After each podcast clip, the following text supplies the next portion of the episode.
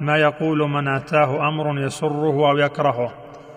يقول كان صلى الله عليه وسلم إذا آتاه الأمر يسره قال الحمد لله الذي بنعمته تتم الصالحات وإذا آتاه الأمر يكرهه قال الحمد لله على كل حال.